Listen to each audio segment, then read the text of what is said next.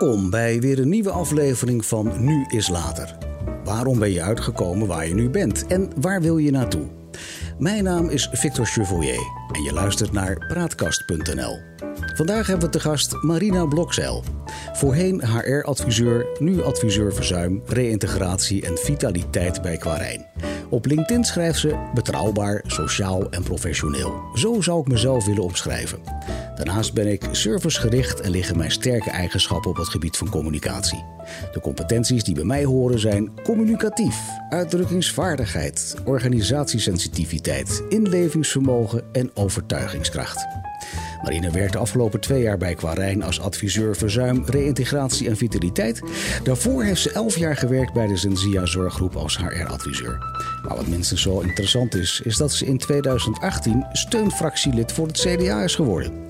Ze heeft acht jaar ervaring met het besturen van de gemeente Wageningen, onder andere sociale zaken. De Gelderlander schreef in 2018: De geboren en getogen Wageningse Marine Blokzeil, nummer 2 op de lijst, heeft al eerder voor het CDA in de Wageningse gemeenteraad gezeten. Ik heb het raadswerk de afgelopen jaren toch gemist en ga me dus met nieuwe energie voor mijn stad inzetten, vertelde ze. Marina vertelt in hetzelfde artikel: Een belangrijke ambitie is toch wel het woningbeleid. Er moeten meer betaalbare koop- en huurwoningen komen voor de vele mensen die in Wageningen willen wonen. Daarnaast wil ik graag meehelpen om het welzijn en zorgbeleid van Wageningen verder uit te bouwen. Mensen zijn heel belangrijk voor mij. Maar natuurlijk moeten we ook zuinig zijn op alle mooie natuur en cultuur in en rondom onze stad. Tja, hoe is het allemaal verlopen na de verkiezing? We mogen het vandaag allemaal aan haar vragen. Sterker, we mogen vanavond alles aan haar vragen. Alles? Uh, nou ja, ja, eigenlijk wel. Wat is vanavond hier? Marina Blokzeil. Marina, welkom. Dankjewel, Victor. Hoe is dat uh, precies afgelopen met je CDA-wensen? Uh, wat, wat, wat ben je op dit moment aan het doen? Nou, het CDA in Wageningen heeft helaas uh, verloren bij de gemeenteraadsverkiezingen vorig jaar. Ja. Dus dat heeft geresulteerd in het feit dat ik niet in de gemeenteraad ben gekomen als nummer twee. We hebben helaas een zetel verloren. Maar uh, ik ben actief in de steunfractie gegaan. En uh, ja, daar zet ik me in voor een aantal thema's in de stad, inderdaad. En dat woningbouw, uh, dat woningbeleid is nog steeds een probleem. Want studenten krijgen heel veel podium uh, in de stad. Maar, uh, en we hebben ook nog heel veel andere mensen die een huis uh, nodig hebben. Of die heel graag willen veranderen van huis. Of die op een verkeerde manier huren of wat dan ook. Dus woningen is inderdaad nog een hot item momenteel. Een dus jaar later nog steeds. Je, nog steeds weinig veranderd, zeg maar. Weinig veranderd, ja. ja.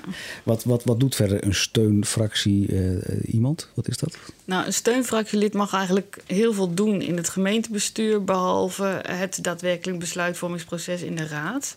Dus je hebt een politieke avond uh, in de, van de stad, zeg maar. Waarin er een stuk uh, wat uit verschillende delen bestaat. En enerzijds is dat een opiniegesprek met de burgers. En, en, en, een deel van de avond is besluitvorming door de raad.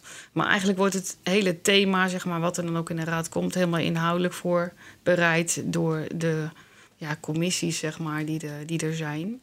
Ik weet nog steeds niet wat je nou doet hoor. Oh nee? nee? nee? nou ik zet me heel erg in voor een thema, zeg maar. Even als voorbeeld. Ja. Op de Drijen wordt een nieuwe woonwijk ontwikkeld. Oké, en dan? Daar heb, daar heb ik twee of drie avonden samen met burgers over gesproken. Over hoe moet die wijk eruit zien? Hoe ziet dat plan eruit? Naar de, burg, naar de, de burgers toe, komen naar het stadhuis. Ja, dat doe ik ook. Maar de burgers komen naar het stadhuis voor het formele gesprek, zeg maar. Ja. Enerzijds met de raad en de steunfractieleden, zeg maar. Die dan samen daar zitten. En anderzijds met de wethouders of een combinatie daarvan. Dus het wordt inhoudelijk helemaal voorgekoud, zeg maar. Hmm. En dan uiteindelijk vindt er een besluitvorming plaats in de raad. En dat kan ik niet doen. Okay, maar, maar de hele inhoudelijke besprekingen over die wijk en waar bomen moeten komen en waar niet. En waar de ontsluiting, waar de ontsluiting komt voor oh, de wijk. En nou ja, ja daar kun je met z'n allen avonden over vullen. Ja, en dat doe je dan ook. en dat doe ik dan ook. Of, of hoeveel tijd ben je, ben je kwijt per week? Nou, twee avonden. Oké, okay, dat is wel best veel. Ja. Ja. En dan ga je echt naar de mensen toe, zeg maar. Deels. En deels is er ook veel achter de schermen wat gebeurt. Uh, waar je een aantal dingen moet voorbereiden en moet doorspreken. Stukjes voor de krant. Uh, nou ja. ik, ik, ik begreep eventjes uh, online dat ik, dat ik jou ben gaan nakijken, zeg maar. dat je dat al heel lang doet hè, bij het CDA. Ja, steunfractielid is voor mij een nieuwe rol uh, sinds vorig jaar. Dat heb ik nooit eerder gedaan. Dat maar ik heb wennen. Dat is even wennen, maar wel heel leuk. Want dit geeft heel veel uh, mogelijkheden en andere dingen weer. Dus daar vind ik zeker mijn uitdaging in. Eigenlijk vind ik het stiekem ook wel een beetje fijn. Want oh, hoe had ik dat allemaal moeten combineren, dacht ik wel. Mm -hmm. Dus dat was wel een, uh, een inschattingsfoutje, vrees ik. Dus ik was er eigenlijk achter. Ik was even teleurgesteld. Daarna was ik helemaal blij. Dus okay. eigenlijk, eigenlijk bevalt me die rol wel. Maar... Um, Ja, ik ben twee keer een periode van vier jaar raadslid geweest, ja. Ja. Dus dat klopt. En dat naast jouw baan. Altijd naast mijn baan. Ja. Maar dat betekent dat je toen 40 uur werkte, plus de rest nog voor de raad bezig was. ja, dat klopt. Toen deed ik niet zoveel andere dingen ermee bij, nee, toen ik raadslid was. Nee. Heb je nog een privéleven? Ja, dat heb ik zeker, met veel plezier. Oh, gelukkig wel. Oké, daar gaan we het zo meteen nog over hebben. Oh, nou. Ja, ook spannend. Ja. Ehm, CDA, waarom het CDA? Ehm, Zo schrikt ervan. Ja, wat zou ik daar nu eens op antwoorden? Het CDA is een partij eh, eh, met een christelijke signatuur, wat me wel aanspreekt, van, eh, van oudsher ook. En het is een partij die heel erg voor mensen gaat. Dus die heel erg het belang van inwoners, de mensen in de stad, zeg maar, heel erg voorop stelt. En verder is het een partij die financieel bewust kijkt naar een aantal keuzes, zeg maar. Ik denk dat dat beetje- past bij Marina. dat past wel bij mij. Ja. Ehm, hoe lang doe je dat al? Nou, ik moet eigenlijk anders vragen. Hoe lang ben je al actief lid van het CDA? ja, ik geloof ergens in de jaren negentig dat ik lid geworden ben. Echt vol overtuiging. Vol dat overtuiging, dat ga ik doen. En toen Wie was toen de tijd de landelijke fractievoorzitter, weet je dat dan? Oh, ik denk van acht of zo. Oké, dat is wel heel lang Dat geleden. is echt al lang geleden, ja. Van acht is toch de jaren zeventig Oh, dat weet 80? ik veel. Ja, ik, volgens mij was het met de fusie van het CDA. Dat van... Nou, ik weet het niet. Ja, heel lang geleden. Ja, ik En- deed en- toen niet zoveel landelijke, met landelijke figuren toen. Was het meer eh, de Wageningse kant. Maar Ja. je was echt van, van, van huis uit ben je eigenlijk een CDA'er. Nee, helemaal niet. Bij ons thuis was eigenlijk niemand politiek actief. je dus ik ben, de enige? ik ben de enige die, eh, vanuit, eh, die lid van een politieke partij is. Oké. Ja. En, en, en wat deden jouw ouders? Of wat doen je ouders? Je ouders leven nog? Nee, leven allebei niet meer. Mijn vader die heeft altijd bij de universiteit gewerkt eh, van, eh van oudsher. Dus eh, ja, de, de Landbouwhogeschool en later Wageningen Universiteit was wel een eh, onderdeel van onze familie, zeg maar. Mhm. En ehm, dus die betrokkenheid was groot. En ehm, we waren heel actief binnen het CNV. Eh, en, zo, en vanuit CNV ben ik eigenlijk een beetje actief geworden binnen het CDA. Daar, daar is voor mij de verbinding gekomen. Maar bij ons thuis helemaal niet, nee. nee. Dus die, die, die hele christelijke signatuur zit er wel van nature in. Maar Ja. je, je zegt ook van eh, politiek eh, bewustzijn, dat, dat kan ik me niet zo herinneren van huis uit. politiek bewustzijn zeker wel, maar niet echt een lidmaatschap van een hele actieve politieke partij of Dat zo. was er niet. Maar ik denk wel dat van oudsher bij ons thuis wel gestemd werd op AR of CAU of Ja. Zeker CDA-kant, zeg maar. Ik kom al uit zo'n eh, gereformeerd nest, zeg Dat, maar. dat hoorde er wel bij. ja, dat tijd. hoorde er wel bij. Daar ben ik echt wel in opgegroeid, ja. Ja. Het is ook voor jou niet denkbaar dat je ooit lid wordt van een andere par- partij, als ik je zo hoor. Nou, nu niet in elk geval. Oh, je sluit het niet uit. Nou, je weet nooit welke koers onze partij nog Stel dat je moet kiezen. Die vraag voel je Oh. natuurlijk aankomen. Wat, Ja. wat, wat zou dan voor jou een plan B worden? Dat je denkt van nou het CDA, ik vind het toch wat oudbollig. Of ik vind er wat van, zeg maar. Wat, wat gaat het dan worden? Oh, dat vind ik een moeilijke. Want het heeft met zoveel thema's te maken. En Dat kan ik niet eens goed kiezen, want dan heb ik het ene thema bij de ene partij en het andere thema bij de andere. Dus ik neig een beetje naar een combinatie tussen VVD en CU. Hm. Omdat beide vlakken zitten die, eh, die me wel aanspreken bij die partijen. Kun je dat kort toelichten? Waarom Nou, wat, wat bij de een, wat bij de ander? Vind ik wel lastig hoor, Victor. Dat weet ik. Ik ben voor een moeilijke vraag te stellen. Ja, dat heb ik door. Ehm, even denken. Nou, VVD zit ook voornamelijk heel erg in het financieel bewustzijn, wat me heel erg aanspreekt, waarin ze soms nog iets verder gaan dan het CDA. En eh, de ChristenUnie zit heel erg op de menskant en op de zorg en op eh, de zorg voor de burgers in de stad. Daarin zijn ze, gaan ze soms nog wat verder dan het CDA in. Maken ze soms andere keuzes in waar ik wel eens respect voor heb. Dus, ehm, nou ja, dat. Dus eigenlijk is het een open sollicitatie. Dat als het, de ChristenUnie zegt van nou, ik, eh, we gaan het financieel wat bijstellen, dan hebben we aan Marina een goeie. Ja, maar dat is helemaal niet aan de orde nu hoor. Niet? Nee, Omgekeerd ook niet? Is de VVD wat socialer, wat Mm, nu niet. Nee. nu niet? Nee. Ze mogen morgen bellen, maar vandaag nog even niet. Oké, dankjewel.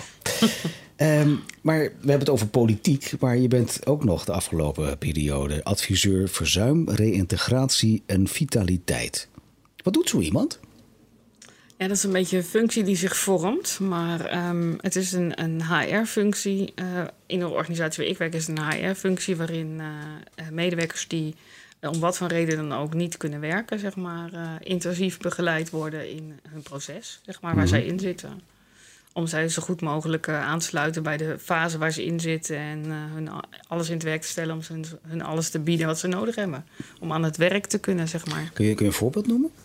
Nou, bijvoorbeeld een medewerker die, die knieproblematiek heeft en die zich zorgen maakt over het verzorgende vak. Ehm, of die dat nog kan uitoefenen. Of die dat nog kan uitoefenen of niet. Dan is eerst het vraagstuk van de medische behandeling. Dan volgens operaties. En dan blijft dat hele spanningsveld blijft gedurende die hele periode. Hm. Dus dan is het wel goed om met zo'n medewerker op te trekken, aan te sluiten, kijken waar die zit en te kijken of we alvast over alternatieven kunnen nadenken. Wat vind jij er leuk aan? Nou, voor mij is het heel erg een uitdaging om aan te sluiten daar waar die medewerker is, in, in zijn of haar fase. En dan te kijken wat iemand nodig heeft, zeg maar. En hmm. dat kan de ene keer zijn een arbeidsdeskundige die eens meekijkt. Een andere keer uh, twee coachingsgesprekken die ik bijvoorbeeld dan met iemand doe. Of een oriëntatie op de arbeidsmarkt. Um, nou ja, van alles kan dat zijn. Maar dat vind ik, ik vind het heel boeiend om met iemand op te trekken gedurende een lange periode. Soms is dat een half jaar, soms is dat anderhalf jaar. Soms moeten we ook afscheid van mensen nemen, doen we een via-aanvraag. Dus dat hele traject, dat is voor mij echt een uitdaging om dat zo goed mogelijk voor die medewerker te doen. En wat zegt dat over jou? Dat je dat werk zo doet en dat met oh. plezier doet? Het vraagt van mij uh, een groot uh, aansluitingsvermogen. Dus heel erg de verbinding zoeken met de medewerker. Dat vraagt het van mij. Mhm. en, um, en de creativiteit om elke keer weer opnieuw te kijken naar wat is nodig en wat kunnen we doen. Wat vind je het leukste dan? Ik vind het allerleukste om met iemand op te trekken en te kijken waar die zit en waar die uiteindelijk uitkomt. Uh, ik vind hem nog wat vaag. Dat maakt hem eens wat scherper. Um, vind ik lastig. Um, hoe kan ik hem scherper maken? Nou, een medewerker die een beetje in de knoop zit doordat hij iets niet kan, maakt zich zorgen over zijn toekomst. Ja. Wat is, ehm, jouw, wat is jouw rol dan? Mijn rol is dan de rol van de werkgever, die, die dan zo'n medewerker ondersteunt en kijkt um, wat die medewerker nodig heeft. Hm. En waar die wat begeleiding in zoekt. En dat kan ook eh, heel, heel simpel zijn: uh, wachtlijstbemiddeling hè, voor een medische behandeling of. Uh, een coaching op het gebied van loopbaan of een paar gesprekken over de conflicten die er toch al waren en die uh, bij verzuim extra uh, tot uiting komen. Of samenwerkingsproblemen die ook niet lekker lopen. Of nou ja, of van alles zijn. Dan trek ik hem even naar zijn algemeenheid. Uh, wat, voor, wat voor eigenschappen heb je dan nodig als adviseur verzuim, reïntegratie en vitaliteit? Ja, die laatste twee woorden moest ik even zoeken. die staan op mijn papier. Maar ja. Nee, Hoe moet je dat doen? Wat, wat, wat voor eigenschappen heb je daarvoor nodig? Nou, je hebt in elk geval een aantal communicatieve gaven nodig, zeg maar, om dat uh, goed te kunnen doen. Ja, ja. ja. Bij bepaalde overtuigingskracht is ook wel handig. Mm -hmm.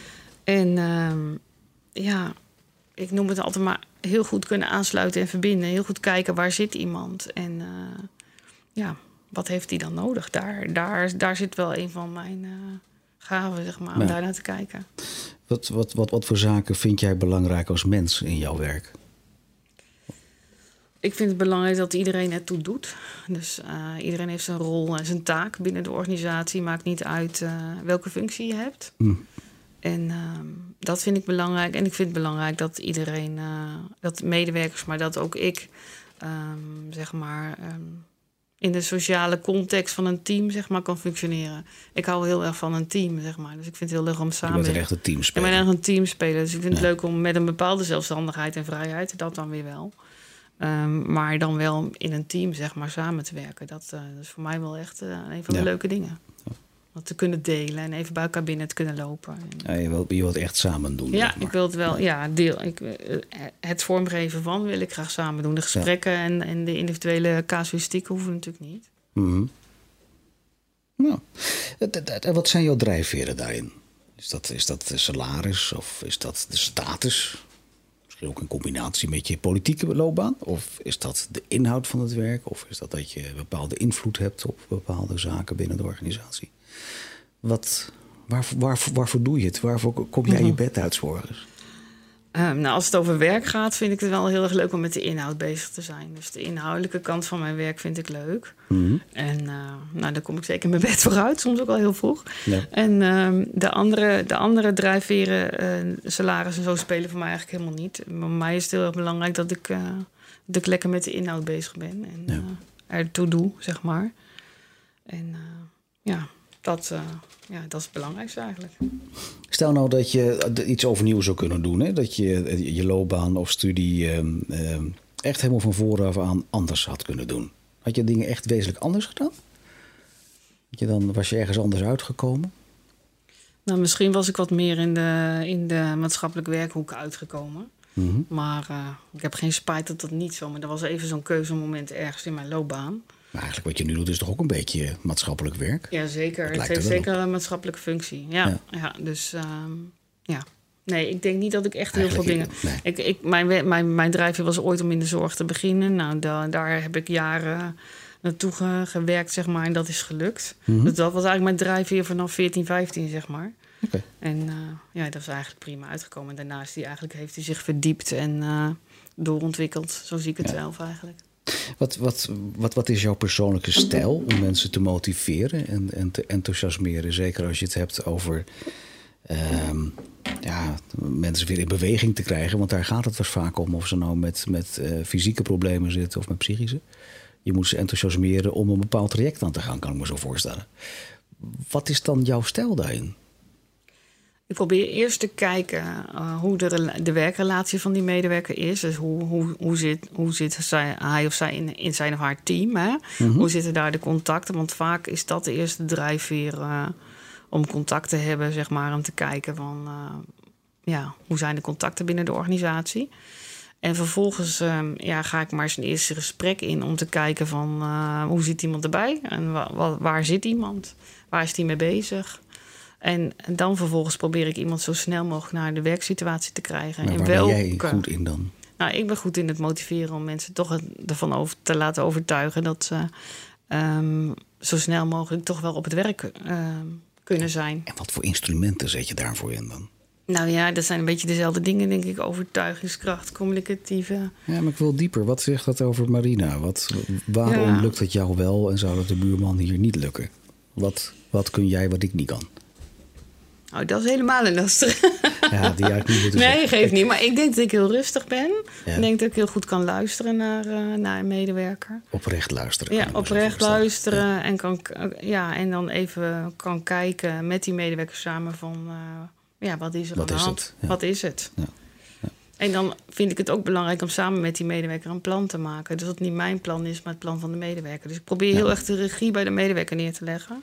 En dat, hij wel uh, zelf ook ja. regie houdt over ja, zijn eigen lot. Dat ook, ja, en dat, maar dat hij dan daar ook actief uh, zijn ja. rol uh, in kan pakken. Ook al is hij soms maar heel klein, maar dat is wel mijn uitgangspunt. Oké. Okay. Iedereen onderneemt ook wel eens nieuwe initiatieven die misschien niet helemaal lukken. Ehm, heb jij wel eens een terugslag gehad? Waarvan je dacht van, nou dat wilde ik zo uitwerken, maar dat is niet gelukt. Nou, ik wilde ooit uh, adviseur verzuim en reïntegratie bij Cynthia Zorggroep worden. Maar uh, daar kwam een reorganisatie en uh, toen was ik een van degenen die mocht vertrekken. Hmm. En dat heb ik wel als een terugslag. terugslag, maar, terugslag is niet het hele goede woord, maar wel als een teleurstelling ervaren. Ja, waarbij je een beetje wel... je zin opgezet en ja. dat werd dan door de ja. omstandigheden tegengehouden. Ja, waarbij ik echt moeite heb moeten doen om het niet een persoonlijke, persoonlijke teleurstelling te laten worden, maar te zien in een reorganisatie, zeg maar. Hoe ben je daar persoonlijk mee omgegaan als het zo'n terugslag was? Um, nou, ik heb het advies gekregen toen om vooral tijd te geven en dat was eigenlijk het beste advies. Door, de, okay. door, er, wat tijd, door er wat tijd uh, aan te geven, ja, ging ik eigenlijk die, die fases van, uh, uh, ja, hoe zou ik het zeggen, uh, verdriet of, of woede, teleurstelling, die ging ja, ik eigenlijk dan, ja, noem het, dat hele spectrum, dat komt er gewoon dan. Ja. En ja, nou, dan ga je dan even door. En dat door tijd te geven, ja, kwam ik eigenlijk tot rust en ja. ja, vond ik mezelf weer terug, zeg maar. Oké. Okay. Wat zijn je plannen voor de toekomst? Ja, ik vind uh, verzuim, reintegratie en vitaliteit de leukste thema's. Vooral de verzuimkant merk ik dat me nog meer trekt als de vitaliteitskant. Alhoewel ik hem wel heel goed kan verbinden.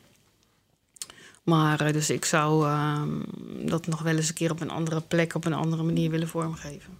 Dus toch nog een keer... Een beetje meer van hetzelfde. Weet je, ja, nee, echt wel anders. Want de kaders binnen Quarijn uh, zijn wel anders als dat kun je ook op een andere manier vormgeven. Ja. Dus ik heb daar wel wat wensen op, zeg maar. Dus ik uh, zie mezelf nog wel een keer de toekomst als een uh, verzuim. Als ik uh, ga vragen waar je over vijf jaar bent, dan is het min of meer hetzelfde, maar met wat andere accenten. Dat hoor ik je antwoord. Ja, mm, ja. ja. Nou, min of meer hetzelfde is wel makkelijk gezegd. Nee, ik probeer het echt wel. Ik wil, ik wil het wel graag op een hele andere manier. Een beetje te plagen. Ja, ja, ja, ja, Nee, dus wel dezelfde invalshoeken, maar op een andere manier vormgeven. Oké. Okay. Wat doe jij om te ontspannen? Nou ja, de politiek ontspant mij zeker ook. Dus daar. Uh, politiek ontspant ja? Ja, dat, dat, vind ik heel relaxed. Ja, dat vind ik heel leuk. Ja, dus daar, uh, daar krijg ik zeker energie van. Verder uh, ja, hou ik wel van sporten, maar in een sportschool. En okay. fietsen. En ik hou heel erg van het strand. Dus als ik maar even naar het strand kan, dan ben ik het uit te vinden. Mm -hmm. Zowel in de winter als in de zomer. En ja. Gewoon een beetje van alles. Een beetje van alles. Maar het is niet zo dat je hele specifieke dingen hebt. Het is, het is, ja, eigenlijk Nee. is de politiek ook jouw hobby dan. Politiek is mijn hobby. Waarom heb je er eh, nooit je, je, je werk van gemaakt dan? Oh, daar moet ik echt niet aan denken. Nee, dat vind ik echt helemaal niks. Waarom niet? Nee, nee, nee dit is even, dit spreekt me gewoon niet aan. Gewoon, Het wethouderschap of zo, dat spreekt me echt niet aan. Dat wil je niet. Nee, dat wil ik echt niet. Waarom niet? Nee, ik vind die dynamiek in de gemeente gewoon wat minder leuk om eh, aan die kant van de gemeente te zitten. De dynamiek in de gemeente. Dat vraagt om nadere toelichting. Wat bedoel je daarmee? Ehm, Nou ja. Ja. ja. Ehm, ja, de gemeentelijke organisatie en een, een wethouder die er een paar jaar is en die, eh, die beleid uitzet met, eh, met de gemeentelijke organisatie en die daar een paar jaar voor gaat en dan vervolgens weer allemaal wisselt. En eh, ik hou toch wel wat meer van een stabiliteit, merk ik. Mhm. En eh, het is echt een ik zie het wethouderschap ook echt als een klus doen Ja. voor een aantal jaren. En dat spreekt me ook minder aan. Dus ik merk gewoon dat het, het type werk. We gaan Maar- je niet bellen voor een wethouder. Nee, hoeft ook echt niet. Nou ja, dan weet je mijn antwoord al. Ja, laat maar. Nee, laat maar. Eh, maar, maar stel dat je in de politiek nog iets anders zou kunnen doen. ehm, waar Als ik, tijd, als ik wat meer tijd zou hebben, dan zou ik nog wel een keer een raadslidmaatschap willen doen. Dat wel. Ja, ja, dat zou ik dan nog wel een keer overwegen. om Dus de. ChristenUnie mag morgen bellen. Nou, de ChristenUnie niet, maar ik doe eerst maar voor het CDA. dus daar, eh, daar eh, dat, nou ja, dat overweeg ik. Ja. Maar eh, ik weet niet of dat meteen een volgende periode is. Maar dat zou ik nog wel een keer willen doen. Maar dat hangt heel erg af van ja, hoe het met CDA gaat en met welke mensen en dat. Ja, ja. En, en, en ehm, je vertelde daar straks hè, dat, je, dat je eigenlijk ook van oorsprong uit Wageningen komt. Hè? Je, Ja. bent, je, bent een, je bent geboren hier. Ja, dat klopt. Je ouders ook? Ja. Allemaal. Nee, mijn vader niet.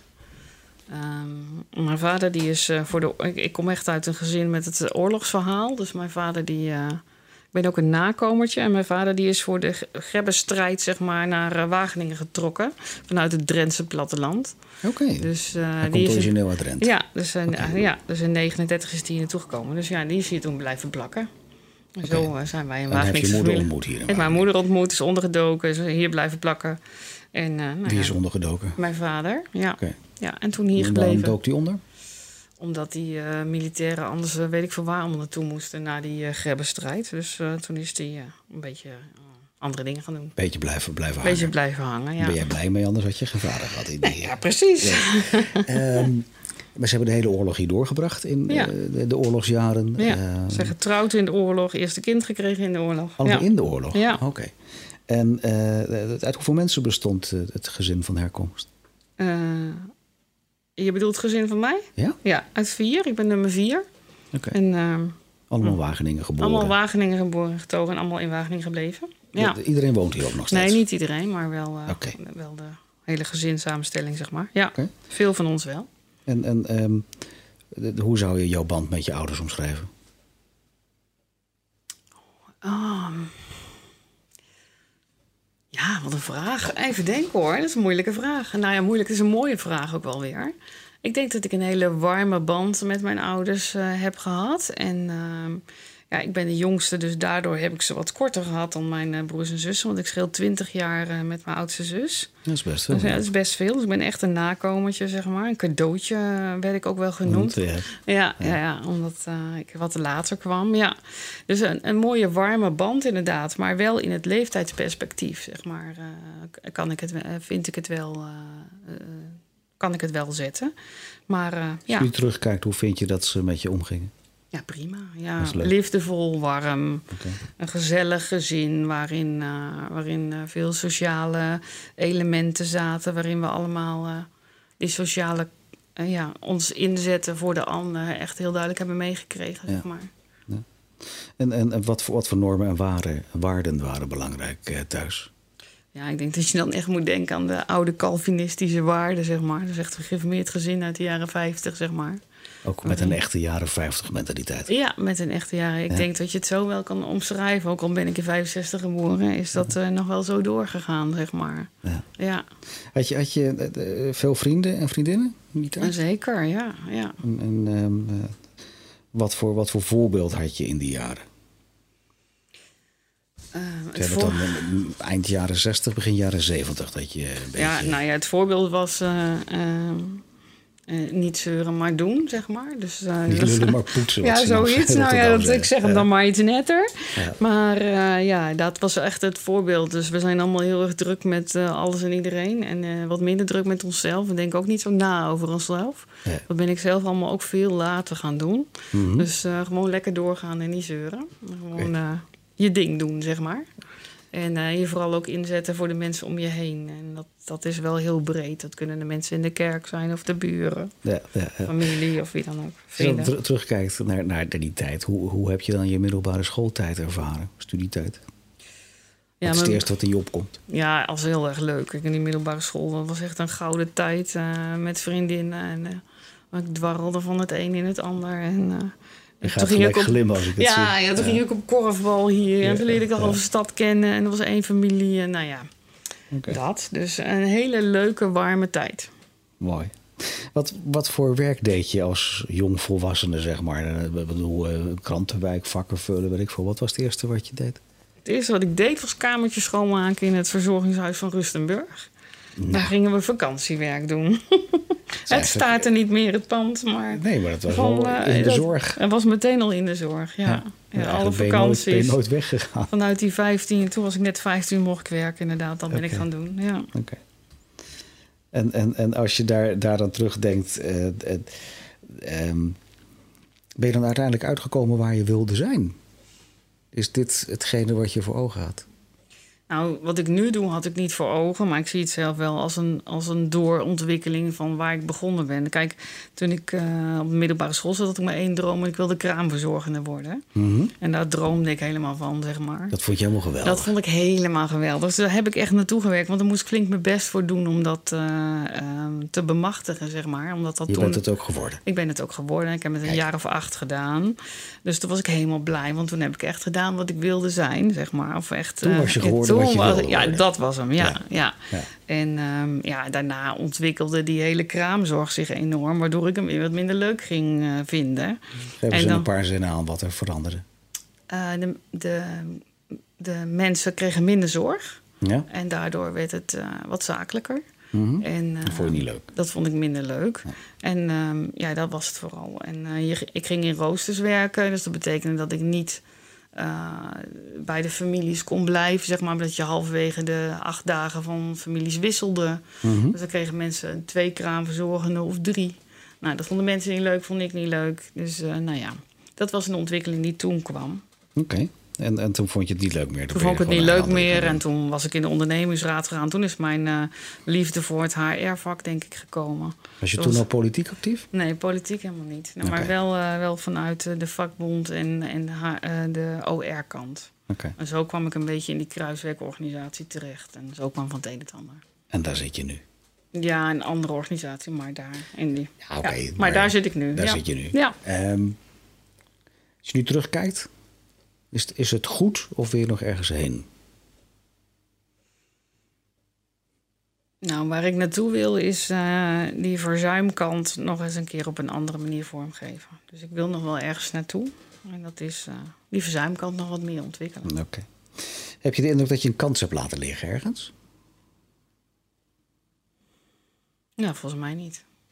Nee. Dat voelt wel goed dan. Dus ik zie dat je dat ook wel vol overtuiging ja. zegt eigenlijk. Ja. Zijn, zijn er wel keuzes geweest waar je achteraf gezien spijt van gekregen hebt? Je denkt van, nou, dat had ik achteraf niet moeten doen. Dat was niet goed.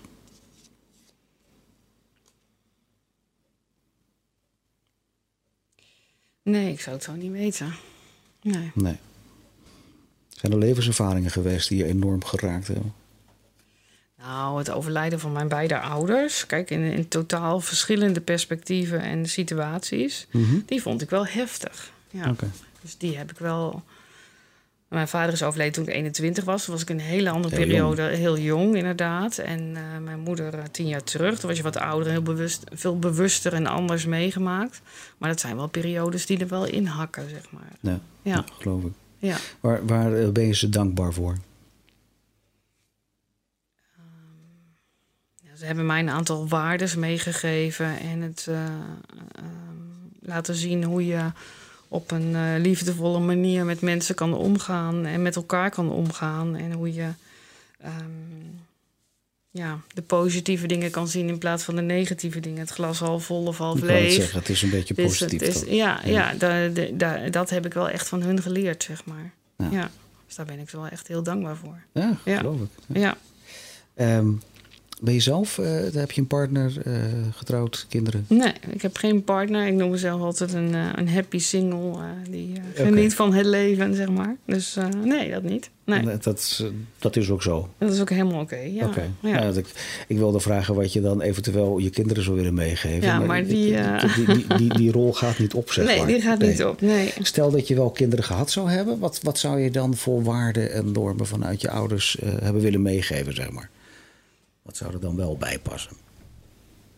Nou, ehm, het oog voor de ander is in, deze, in, in de maatschappij van nu nog een, nog een belangrijker thema, zeg maar, dan eh, toen ik opgroeide. Mhm. Dus daar zou ik wel eh, heel graag een focus op, op willen leggen, zeg maar. Hoe zou je dat doen? Nou, door eh, jongeren te motiveren om wat minder met zichzelf bezig te zijn en wat meer met een ander, zeg maar. Wat minder egocentrisch, maar. Ja, ja, Ja. ja. Dat is leuk. Nog, nog, nog een hele leuke vraag. Dus ik vind hem heel mooi als laatste Oh, vraag.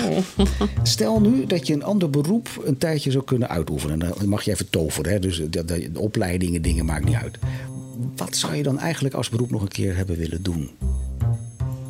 Kraamhulp ben je geweest. Ik zou nog wel een keer teammanager willen zijn van een zorgafdeling. En wat zou je dan veranderen doen?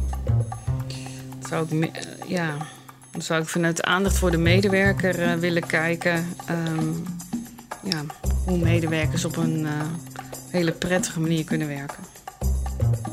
Wat zou je echt veranderen? Want je, je brengt het op, op het laatst toch even zo als een toegiftje van... nou, volgens mij heb je daar hele ideeën bij. Nou, vanuit de aandacht voor die medewerker, ik denk dat die medewerker gewoon heel goed kan aangeven wat hij zelf eh, nodig heeft. Of wat hij zelf heel erg leuk vindt en op welke manier hij heel prettig werkt. Ja. En daar zou ik het wel heel graag over willen hebben. En vanuit daaruit eh, de afdeling willen vormgeven.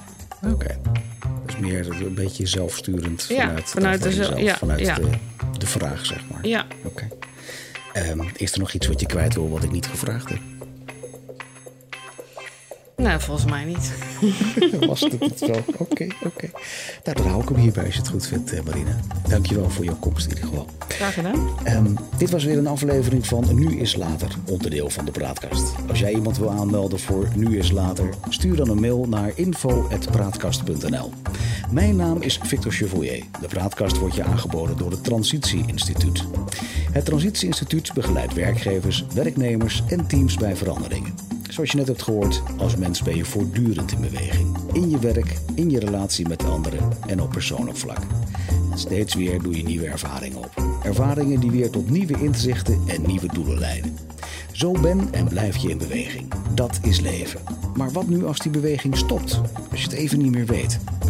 Wanneer je worstelt met dit soort vragen, is het goed om daar eens met iemand over te praten. Iemand die om te beginnen naar je luistert zonder een oordeel te hebben.